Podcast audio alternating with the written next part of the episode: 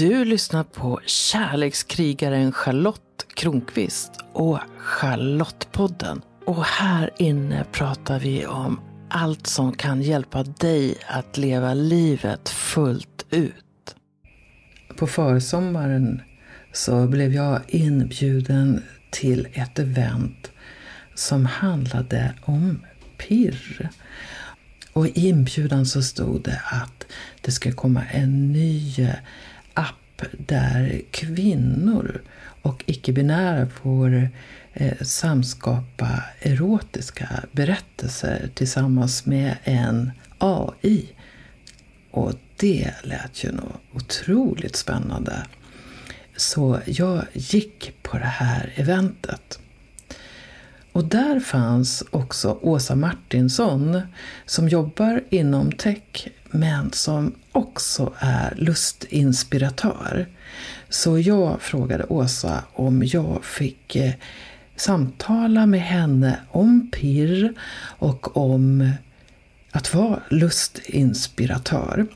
Och bland de häftigaste grejerna på det här eventet var ju att jag kände igen mig så otroligt mycket.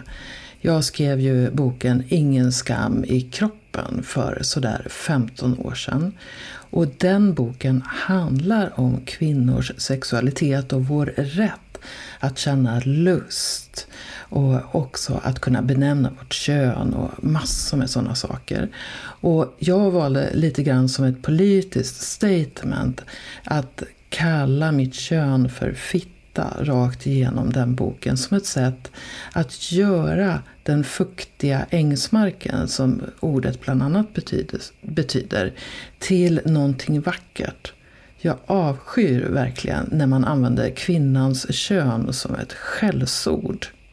Så jag bjöd hem Åsa för att prata om pirr, lustinspiration och om vårt kvinnokön. Så om du tycker frågan om kvinnokönet är något som du inte pallar så kanske det här avsnittet av Charlottepodden inte är någonting för dig. En till sak som Åsa och jag har gemensamt är att vi kallar våra egna kön för pussy. Pussy. För att det känns rätt för oss båda två. Men för att få vår lust att fungera så behöver vi ha en relation till våra kön och kunna prata om det och prata om vad som ger lust. Och det här med pirr också. Tänk dig att man sitter i techbranschen och tänker hur ska vi kunna ge ett alternativ till kvinnors lust eh, som inte är porrfilmer? Hur ska vi hitta in till, eh, till kvinnor? Hur ska vi kunna få ha våra sexuella fantasier och hur kan vi utveckla dem tillsammans med en AI? Så i det här samtalet så berättar Åsa en del om hur PIR kommer att fungera och eh, än så är projektet på betastadiet men snart så mm, kommer det att möta mer än en testpublik. Vi spelade in samtalet i början av sommaren och nu när det är i slutet av sommaren så är det dags att publicera det och fundera på vad har du som är kvinna eller icke-binär för relation till just ditt kön? Kan du prata om sex?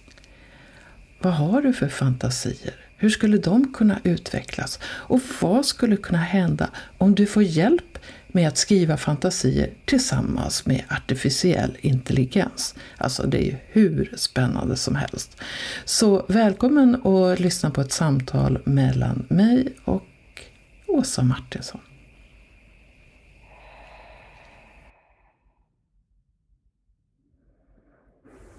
Jag sitter här med Åsa Martinsson och vi började precis med att blunda och andas lite tillsammans för att vara redo för det här samtalet. Åsa Martinsson träffade jag för första gången för en kort tid sedan när hon var med och presenterade någonting som heter PIR. Och där är Åsas roll att vara lustinspiratör. Välkommen hit Åsa! Tack! Så vad är PIR? Vi kanske kan börja där? Ja, Först och främst så känner jag lite pirr nu. det är nästan klyschigt men jättehärligt att vara här och få prata om något så spännande och nystartat som pirr ändå är. Um, Pirr är en, en app där du samskapar och skriver erotiska eh, noveller och litteratur med AI. Wow! Mm. Men hur funkar det?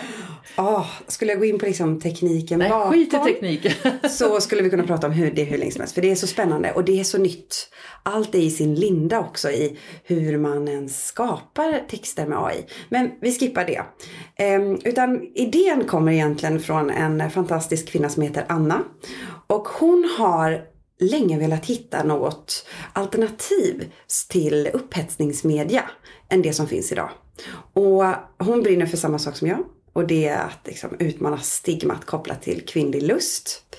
Så att eh, den, här, eh, den här appen är eh, i sin linda. Det är en produkt idag som vi AB-testar och liksom, eh, försöker hitta, eh, eller vad ska man säga? Det, den är i sin startfas. Och i den så använder vi oss nu av ett community av kvinnor för att skapa den så att den ska vara anpassad just för den här målgruppen. Så ja, hur man gör, det tycker jag nästan man kanske ska gå in och prova. Får jag säga så? Absolut. Ja. Pir.se eller pir. Mm, Pir.me M är ju Ja, mi liksom. mi, exakt. pir.me. och där är den första prototypen. Det är alltid kul att få höra människornas egna eh, reflektioner efter man har provat. Jag var ju med på Ja. den första presentationen.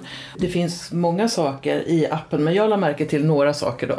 Till exempel så här.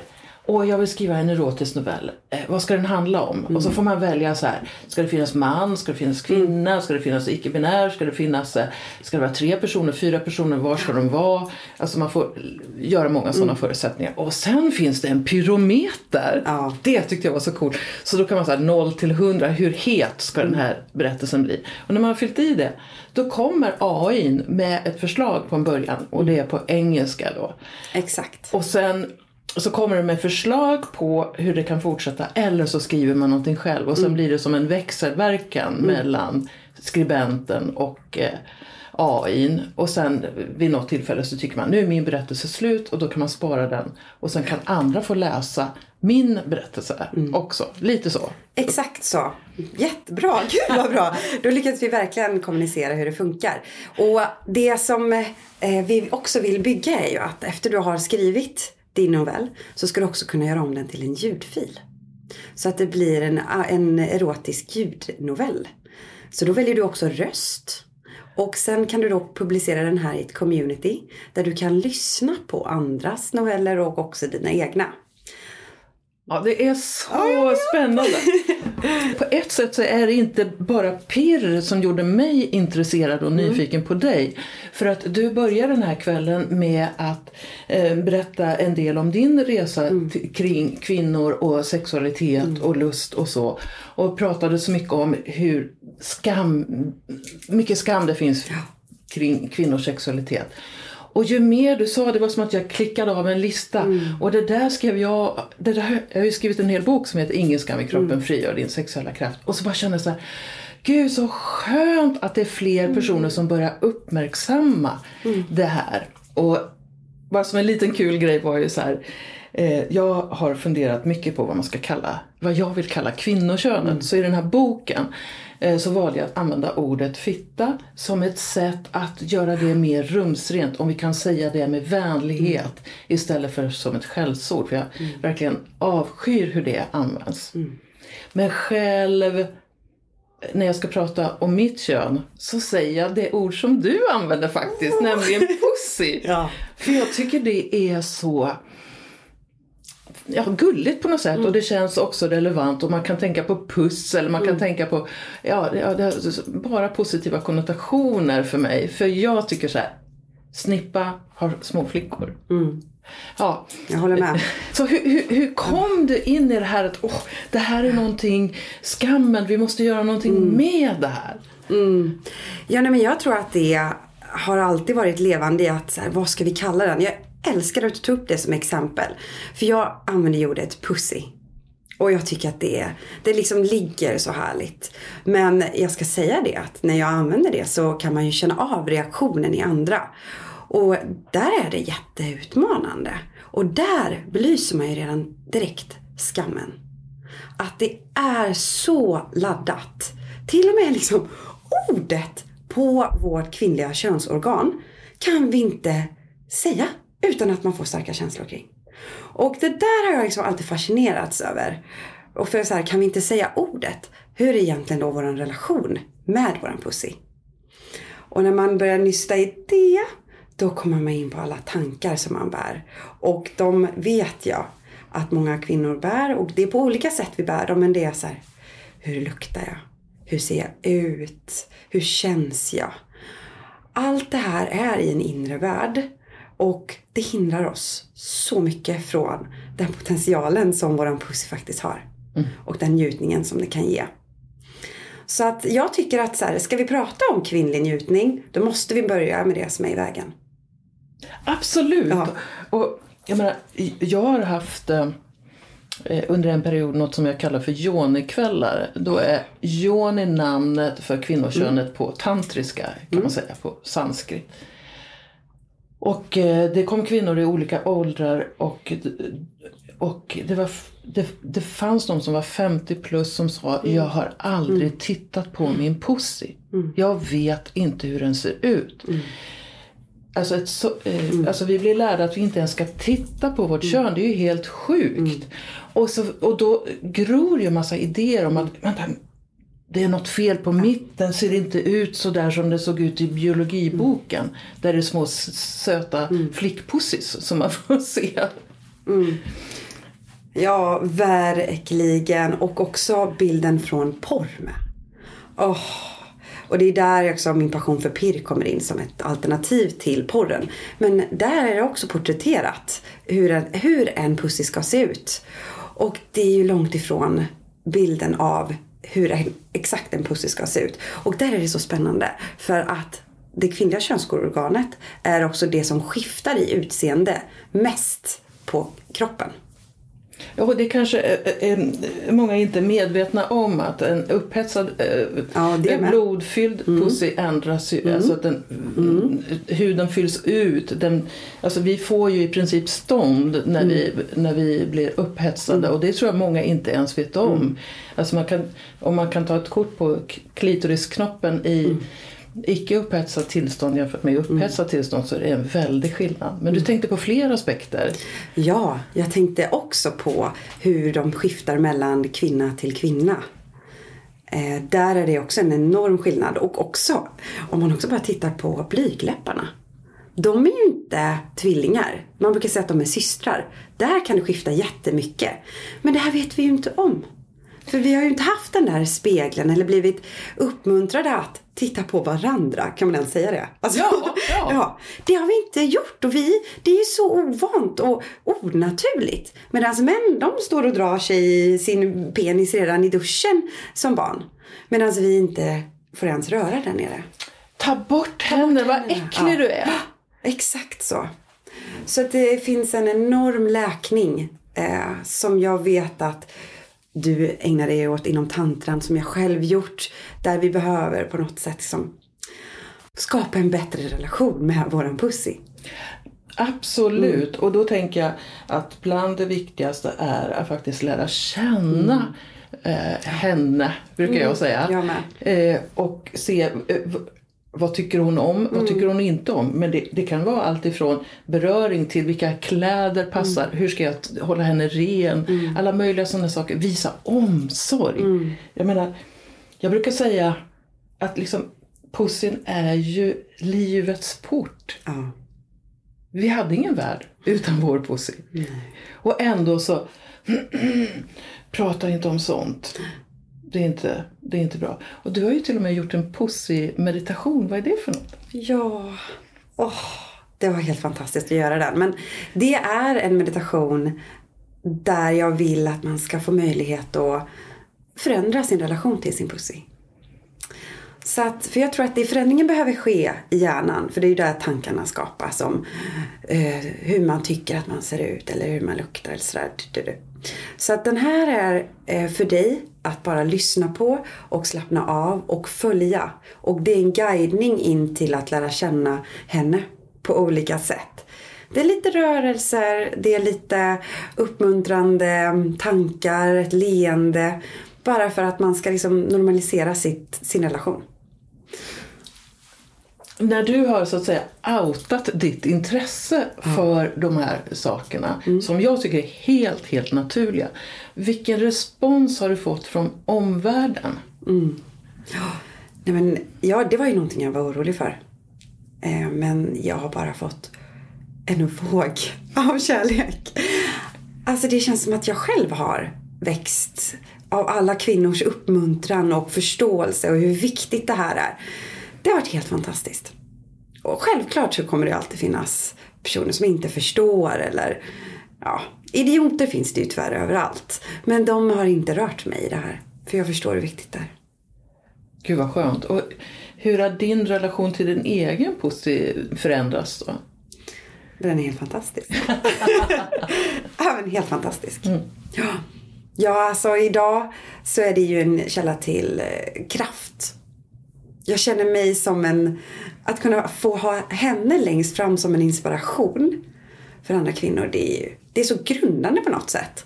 Det är liksom så här, självklart behöver vi stå i det här. Mm. När du då kallar dig för lustinspiratör mm. så kan jag tänka mig att det handlar om mer än vår egen relation till, till vårt kön. Vad, mm. vad vill du inspirera till mer? Det är ju ett, att eh, våga njuta. Att ta sig, och det handlar inte bara om eh, liksom den sexuella energin och den utforskandet. Utan det handlar om att våga utforska vad lust är för en själv och utmana det också. Jag vill inspirera andra att börja förstå. Så här, men vad, vad, in, vad njuter jag Vad känner jag lust av? Och från den platsen, från sig själv, kliva in i nya områden. Och att våga testa och förstå att så här, det, jag är inte ensam om att tycka att det här är spännande. Eller ja, det finns fler kvinnor som också eh, tycker som jag eller tycker inte som jag. Så att liksom bara kasta upp det här lite på tapeten och bara få igång samtalen. En sak som jag eh, gillar med dig eh, är ju att du eh, verkar ju i liksom eh, Bolagssverige. Mm. Du, du jobbar med tech och du kan kanske berätta lite grann om det. Men oftast har det här med lust och sånt fått liksom blivit förpassat till kursgårdar långt ifrån mm. Stockholm och som att det är något obskyrt och konstigt. Och jag har ju en sån här idé om att vi ska kunna prata om lust och tantra och mm. alla såna här saker och se att det här är en naturlig del utav mm. livet. Och då känns det som att du är där kvinnor är redan. Mm. Kan du prata lite om det kanske? Mm. Ja, men jag förstår vad du menar. För att det är ju inte ett helt lätt ämne. Jag kommer ihåg när jag berättade för min chef att ah, nej, men, eh, jag, eh, jag var på tantrafestivalen i somras. Och den reaktionen, liksom, att möta den. Eh, det är klart att det alltid är lite pirrigt. För det finns mycket fördomar laddat till det här. Men jag tror att desto fler som gör det och kan liksom stå raka i, raka i ryggen i det Eh, desto enklare blir det. Och nu på mitt företag som jag jobbar på nu, för jag jobbar på eh, Blacklisty som affärsutvecklare också. Där har man en jättestor vilja till att skapa social hållbarhet. Och det här är social hållbarhet. Det här är hälsa. Det här är liksom jämlikhet. Att alla ska ha samma eh, möjlighet till att känna lust. Och de, de står liksom och applåderar bakom och bara så här, självklart ska du göra det här. Alltså, jag blir mm. så glad så jag nästan börjar gråta för att eh, jag har fått jag börjar ju 15 år före mm. dig och jag, jag har fått lite kanske hårdare mottagande, mer ifrågasättande. Mm. Så jag blir så otroligt glad mm. över att det verkar som att det börjar komma en mognad nu för att se också de här hälsoaspekterna. Vilka blir vi om vi inte får känna lust? Vilka blir vi om vi skäms för vår sexualitet, vår kön eller så? Vi blir hopkrämta, så hoptryckta människor. Jag tror att vi är här för att vara här i vår glory. Och då, om vi tar bort en av de viktigaste delarna i kroppen så bara, vad blir det då? Nej. Det är ett sätt att förtrycka kvinnor. Jag har läst en massa, det finns en bok som kom för en rad år sedan som heter eh, Vagina, a new bi- biography. Och där, där eh, Naomi Wolf liksom tar fram all forskning så här som finns. Bara för att hon är tvungen för 10-15 år sedan att göra det för att annars gick det inte att skriva. För att annars skulle alla vara där. Men någonting händer nu och jag tror att pirr är också ett uttryck för att äntligen Exakt så, för det är ju om något tech, framkant, AI. Så mm, jag håller med dig. Det är någonting som händer. Och det tas emot nu på ett jätte, jättefint sätt. Och bara tanken den här, jag menar traditionellt så är ju pornografi mest riktad till män. Och när, när jag som kvinna ser på porr så är det ju väldigt ofta njutningen till för att mannen ska njuta. Eh, och så. Och jag, jag har ibland som försökt att titta på olika för att se, finns det någon där det ser ut som att det är, liksom, det är för kvinnans skull? Men jag tycker det är inte lika lätt att hitta då. Och då men vi, vi, alltså kvinnor har ju lika mycket sexualitet och lika mycket lust eh, som män, kanske mer ibland. Och vi har också en enorm liksom, njutningspotential. Så då att bara så här, men vad skulle kunna vara någonting för kvinnor? Vad skulle kvinnor kunna gå igång på?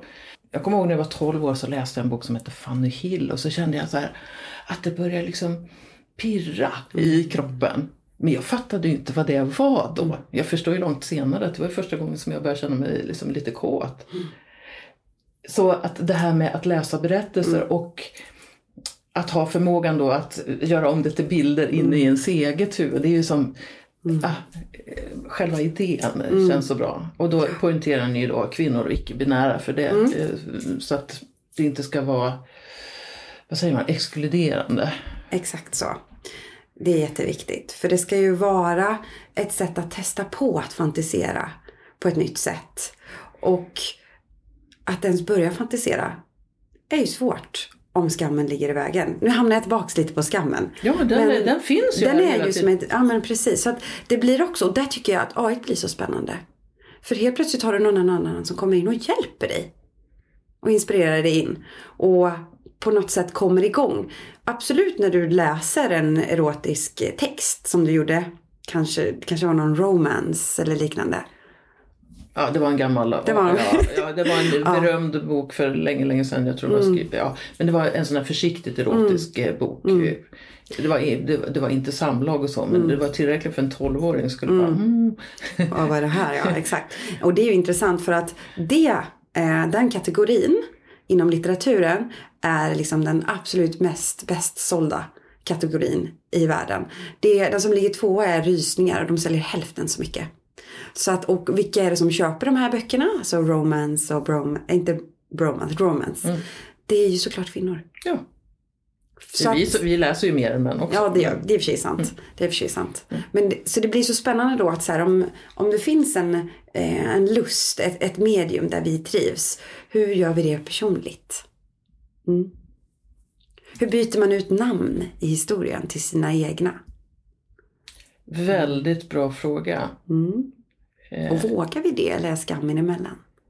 Det är, där vill vi vill, det är därför vi vill utmana och testa oss fram. Vi har inga svar än.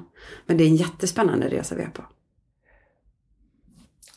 Jag, tyck, jag tycker inte att man behöver ha svaren men man kan ha frågorna Ja. och, så, och använda ett utforskande förhållningssätt. För jag, jag kommer ihåg att din kollega hon berättade att första försöket med AI så, så då har ni, det har matats in ma, massa text då kan man kanske säga. Och i början så blev den lite för, för, för porrigt på något eh, sätt. Så det, det finns ju massa där bakom, liksom, hur hamnar man rätt och så. Men det är ändå Ja, det är spännande de här sakerna. Vad, vad uppfattar jag som porrigt? Det kanske inte är riktigt samma som du eller som någon annan. Alltså hur hittar man en nivå som funkar? Men den här pyrometern tycker jag ju var en... Hur? Bra grej. Jag, jag nöjer mig med 30 procent Ja. nu. Ja, exakt så. Och jag som har skrivit en del eh, noveller tillsammans med AI nu har hittat ett jättefint eh, samskapande med AI. Där, vi, där man kan bli inspirerad av varandra. Det behöver inte vara att man tar hela meningar. Men det kan vara att eh, historien börjar med att man är ute och går en promenad. Och så kommer det tre alternativ. Och det ena kan vara, jag såg en eh, kvinna i gränden. Eh, jag var ute och rastade min hund. Eh, jag eh, var på väg in i dimman. Jag behöver inte ta någon av de här alternativen men jag kan ju bli jätteinspirerad av att det var en dimmig kväll och det stod en kvinna i gränden. Mm. Och där börjar magin ske. Och då hjälper du också AI i att avgöra hur pirrigt det ska vara. Eller, för en, en AI är ju ändå tränad i att vara, eh, det är en dator. Så den vill ju också gå på avslut snabbt. Det, så det kan bli lite pang på. Men det är det här också som är så spännande. Vi håller på att träna den nu för att se. Hur får vi den att anpassa sig efter målgruppen och oss? Ja, så ibland kan det bli superhett. Och ibland kan det bli jätteromantiskt. När ska den här produkten nå marknaden brett är det tänkt? Ja, det är en jättebra fråga. Jag vågar inte exakt svara på det än, men just nu så är vi i investeringsrunder och har precis tagit in investeringar, vilket är jättekul. Så att nu börjar vi planeringen i nästa fas. Nu är det som sagt i verkligen i sin linda. Så nu vill vi se. Vad blir nästa steg? Är det att fortsätta att utveckla skrivandet som man gör på egen hand med AI? Eller kan det vara så att vi bjuder in ytterligare en person att samskriva. Det är en jättekul twist, för det har vi märkt är jättepirrigt också. Det skulle alltså vara att till exempel du och jag gick in i appen, blev ihopparade och att jag skrev första delen och du valde andra delen. Det skulle kunna bli hur härligt som helst. För vi tar ju med oss våra erfarenheter, våra Mm. längtan och, och så. Ja, det låter ju som hur roligt som helst. Ja. Och sen eh, tänkte jag på det där med, eh, som du sa, att det är på väg att utvecklas också att man då kan eh, lyssna på berättelserna. Mm. Och då är frågan, vad blir det för röster eh, då? Skulle man, idag går det ju rösthärma väldigt mycket. Mm. Jag vet inte om jag skulle bli kåt på att lyssna på Barack Obama men alltså tänker man sig att det skulle kunna vara liksom, Jag vet att man har vrängt med just Mm. hans röst för att få honom att verka säga saker han inte har gjort. Så. Alltså en datorröst, den kan man få eh, rätt så bra idag, är det inte så? Mm. Det stämmer också. Det sker jättemycket utveckling på den här fasen också. Och där finns det ju ett bibliotek med olika röster man kan välja. Men ja, alltså det är ju så spännande. Jag är så nyfiken på att se så här, vad är vi om ett år, om två år? Vart har tekniken och appen tagit oss då? För möjligheterna, de är ju oändliga. Det jag tycker också är häftigt det var att ni berättade att ni hade fått pengar från Vinnova Mm. och från en del andra samhällsbärande institutioner. Och Mm. det tycker jag är helt fantastiskt. I tech så är man ju van att jobba med investeringar och sådana här saker. Eh, Så att ni har liksom en väg in till de här pengarna. Så det är så himla bra att ni är där ni är. Som, som jag som är liksom journalist och författare, jag har ju liksom inte varit in i den världen. Jag vet inte var man ska leta pengar eller hur man ska göra eller så. Och här har ni liksom en body från början och en, en förmåga och en möjlighet att prata med investerare som, som jag är så glad för. för att Jag tänker att ni, det blir en potential att nå ut bredare. Och jag, för mig är det ju viktigare med själva det som din del, det vill säga lustinspirationen, är viktigare för mig än själva eh, pirrappen. Men om pirrappen kan det eh, bidra till att vi får lättare att prata om sex och lust och hur det är att vara kvinna. Va? Då, har man ju, då är det ju en super win-win. Ja, och det var det jag tyckte var så spännande på eventet som vi hade. För då kom det kvinnor från alla kategorier i eh, samhället. Det var de som var jätteintresserade av tekniken och kom från den världen. Sen var det de som varit i tantravärlden i många år. Och sen var det sådana som bara tyckte att det här verkade jättespännande och nytt. Och också min dialog och den responsen jag fått efteråt är så här, äntligen! Gud vad spännande! Och jag tror precis som, att du, precis som du säger att så här, det här är en, en väg in som inte är så laddad. Som att gå på en till exempelvis tantra-workshop. Där behöver du ha ganska mycket mod för att så här, ta dig dit och våga. Men det här är någonting du kan göra hemma i mobilen och liksom börja smygprova lite. Och vad kan det uppmuntra till? Alltså det, mm. den aspekten är ju så himla häftig. Jag hade en tantra-workshop ny, nyligen i Östersund och då var det en kvinna som sa så här. Ja, när jag berättade för mina killkompisar att jag skulle gå på en tantra-workshop tre timmar mm. så gapskrattade de och sa, aha, har du blivit sån flummare? Och det här gapskrattet kommer ju utifrån okunskap. Och, det, och jag tror att skam är med där också. Mm. Ja, de där tantramänniskorna, de är så mm. konstiga. Sen har det ju ibland hänt saker som kanske var mindre lyck, lyckliga för tantrans rykte. Så här. Hur stor del av din tid jobbar du med PIR? Mm, ja, men nu gör jag det vid sidan av okay. eh, mitt eh, vanliga jobb. Och eh, Eh, vi får se lite hur det blir framöver. Desto mer communityt växer, desto mer tid behöver jag också lägga där och vill jag lägga där. Man vill ju få in fler som är med och provar. Mm, så vi får se lite hur det blir i höst. Det finns mycket, mycket spännande som ligger. Och, och, och vad är tanken med communityn? Ja, då är det så att vi vill ju skapa den här produkten med målgruppen, med kvinnor och icke-binära. Och det betyder att vi eh, kommer ha en serie event där man är med och samskapar delar av Eh, innehållet i produkten. Härnäst kommer vi ha en, eh, ett event där man får vara med och eh, lära sig hur man skriver erotiska texter. Jättespännande, eller hur? Ja. Med en expert inom området. Och sen kommer man få vara med och göra introtexterna som finns i appen. Så att i, när du går in och fantiserar i PIR så får du alltid ett intro som du kan liksom börja att fantisera med. Och där vill vi ha inspiration. Så här, vad, vad, vad, hur vill man att din historia ska börja? Ska den ta slut mitt i eller ska det vara en kort eller lång mening? Så nu vill vi tillsammans med de som tycker att det här är spännande och kul eh, skapa det här. Så roligt! Mm jag bara kommer att tänka på att jag levde i en relation där, där han tyckte att det var kul att få erotiska berättelser. Och då sa jag, ge mig tre ord. Mm. Som inte fick vara liksom kön, det fick inte vara kuk, fitta, knulla för det skulle ju kunna ingå ändå. Utan det kunde vara eh, badborste, lampa, tulpan. Mm.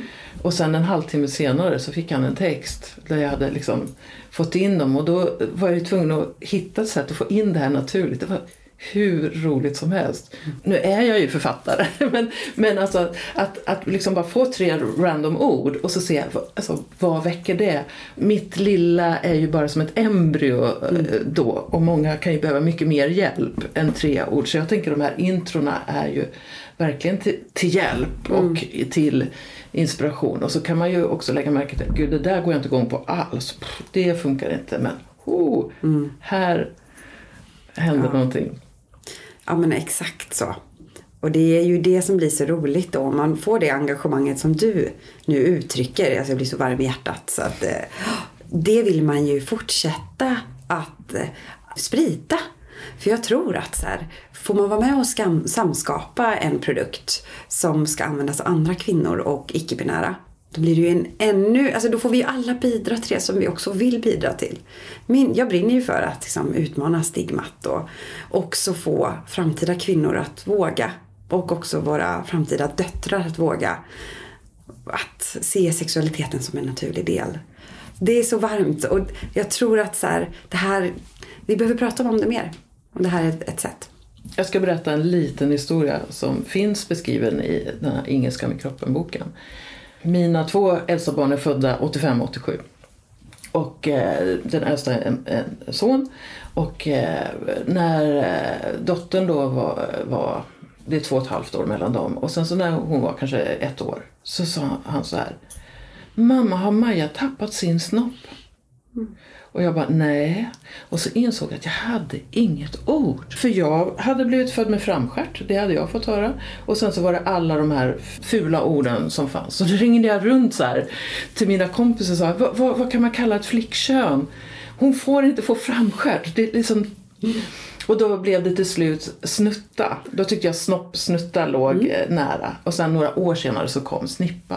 Men jag blev, alltså det var min wake-up call.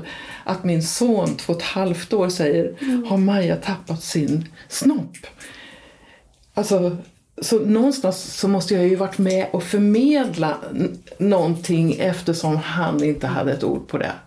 Men det, ja, ja. Så, visst är det häftigt någonstans. Ja.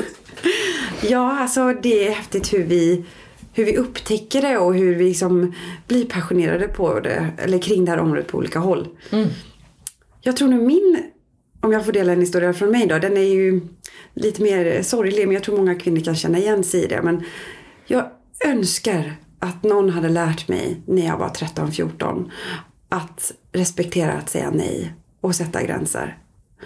För det här är ju sammanlänkat till det att så här, man, det var så lite okunskap och så mycket skam. Och jag tror att så här, desto mer vi pratar om det, desto mer vi normaliserar det här, desto mer vi vågar fantisera och utforska vad vi faktiskt själva njuter av, desto mer kommer vi våga sätta gränser i vad man vill och vad man inte vill. Så där hämtar jag mycket av mitt, att man måste våga säga nej. Alltså min, min första sexuella erfarenhet var en våldtäkt. Ja om eh, jag hade blivit lärd att prata om de här mm. sakerna eh, så hade det kanske inte hänt. Men jag mm. berättade ju inte det här för någon. Jag, jag förstod inte först 25 år senare mm. att jag hade blivit våldtagen. Jag hade tänkt att det var mitt fel för att jag inte kunde säga nej tillräckligt hårt. Och mm. den skammen som jag har gått och burit på. Som tur är så så frågade min son vad, snoppen hade tagit vägen så att säga. Och jag, jag började bli intresserad och jag började mm. tänka så här, men ja, vi måste få äga de här mm. sakerna. Mm. Och tänk att det är så skambelagt att fortfarande idag unga tjejer inte kan berätta när de mm. blir kränkta. Nu kommer ett flygplan. Mm. Alltså jag har min, min yngsta dotter är nu 27 och hon berättade om sina kompisar, någon, någon tjej som mm. blev våldtagen och som sa jag kan inte komma hem och berätta det för mina föräldrar. Så att det är inte bara vår pussy som mm. är skambelagd utan det är vår sexualitet ja. och jag blir vansinnig. Mm. Alltså när man säger ja du som är flicka du, du ska göra si och så, du som är kille du kan göra tvärtom. Men också mm. så här, din rätt att värna din gräns och att utforska den. Mm, exakt så det är lustigt att vi nästan alla delar den här historien. Jag hade samma. Min oskuld var också ett sexuellt övergrepp. Och jag minns det så väl för jag vaknade upp dagen efter och var så här. Men snälla berätta ingenting, sa jag till killen. Och vad händer sen när man kommer in i skolan? Måndagen därefter. Då står hans namn på mitt skåp. Och alla killar står runt omkring och skrattar. Och han är någon form av kung. Och jag jag bröt ju såklart ihop. Men det vågar man ju inte heller stå för på grund av skammen. Det är helt otroligt och det finns så många som bär de här historierna. Jag har ju läst eh, Eve Ensler, hon gjorde en mm. bok som heter Vagina Monologues och sen startade hon eh, något som heter One Billion Rising. Mm. Och FN menar att en tredjedel av alla världens kvinnor blir utsatta mm. för sexuellt våld på något sätt. Så det här är en jättefråga. Och det som jag, alltså ett av skälen till att jag tycker att vi ska lyfta de här frågorna det är inte bara att vi ska känna lust utan också att när, när vi utsätts för sexuellt våld så, så, så dödas vår kreativitet mm. eller den nedsätts, vi kan bli apatiska och så. Mm. Så därför används ju sexuellt mm. våld i krig. Så ja, vi behöver få ut det här krigstraumat ur våra kroppar. Ja. ja, jag håller med dig. Och det går ju också. Ja. Med bearbetning, med healing, med eh, att prata om det som vi gör nu. Då går det också. Ja, och då tänker jag att det här positiva sättet att ja, visa sexualiteten som är pirr.se och att du är lustinspiratör mm. och mm. Eh, jag kallar mig kärlekskrigare. Det vi, som, eh, vi står där på barrikaderna mm. för lusten. Mm. Härligt. Mm. Tack Åsa för att du ville komma hit mm. den här vackra försommardagen. Tack själv, helt fantastiskt. När jag lyssnar på det här samtalet så bara känner jag så här, wow. Många gånger gick jag verkligen igång. Jag tycker att det här att prata om sexualitet, om lust, om kommunikation är så oerhört viktigt. Och det är kanske nu som tiden är mogen att prata mer öppet om det. Jag har ju många gånger märkt en tveksamhet till att tala eh, om sex och sånt. Så att jag gav min bok Ingen skam i kroppen just den titeln. Det var ingen slump. Än har jag naturligtvis skam i kroppen. Jag kanske kommer att ha det alltid. Men jag bejakar min lust numera och jag kan prata om de här sakerna utan att rodna. Så håll utkik efter pirr och håll utkik också på Åsa Martinsson, en fantastisk lustinspiratör. Jag tycker ju att det här med kvinnor och icke-binära är så viktigt. Och eh, jag själv är ju född 1959 och jag har sett många kvinnor eh, som känner det som att åldern är ett hinder. Och jag vill bidra till att vi lever fullt ut hela livet och bejakar oss själva, känner oss värdefulla, gillar våra kroppar i alla stadier och också bejakar vår sexualitet. Så därför har jag skapat ett eh, onlineprogram i sju steg som jag kallar för Kvinnorummet. Och jag riktar mig till kvinnor som har passerat 45, som börjar märka saker, att saker händer kring åldern, kanske klimakteriet är på gång, kanske känslor av att inte riktigt duga som kvinna har kommit upp och så. Så för alla er som vill bejaka det så har jag öppnat Kvinnorummet. Så om du är kvinna 45 plus och är nyfiken på kvinnorummet och på att mötas och se varandra så är du jättevälkommen till kvinnorummet Zoom. För dig som redan är en del av programmet Kvinnorummet så är de här Zoom-mötena helt gratis. Och för dig som vill vara med på bara mötena än så länge så kostar det 200 kronor att delta i mötet. Du hittar all information om det här på min hemsida charlottekronqvist.org. Och så är det ju dags strax att starta min tantrasäsong. I slutet av september så startar jag tantrakvällar i Stockholm. Och eh, du kan vara med vid sex olika tillfällen. Du kan anmäla dig till ett, två eller flera. Så kolla efter lekfulla tantrakvällar och i oktober så är det tid för helgkursen Lekfull tantra 8-9 och parkursen Lekfull tantra 28-30 oktober. Jag hoppas att vi ses i något av de här sammanhangen. Du hittar eventen på Facebook och du hittar all information alltså på charlottekronqvist.org. Kom ihåg att prenumerera på Charlottepodden så att du är med när nya avsnitt kommer.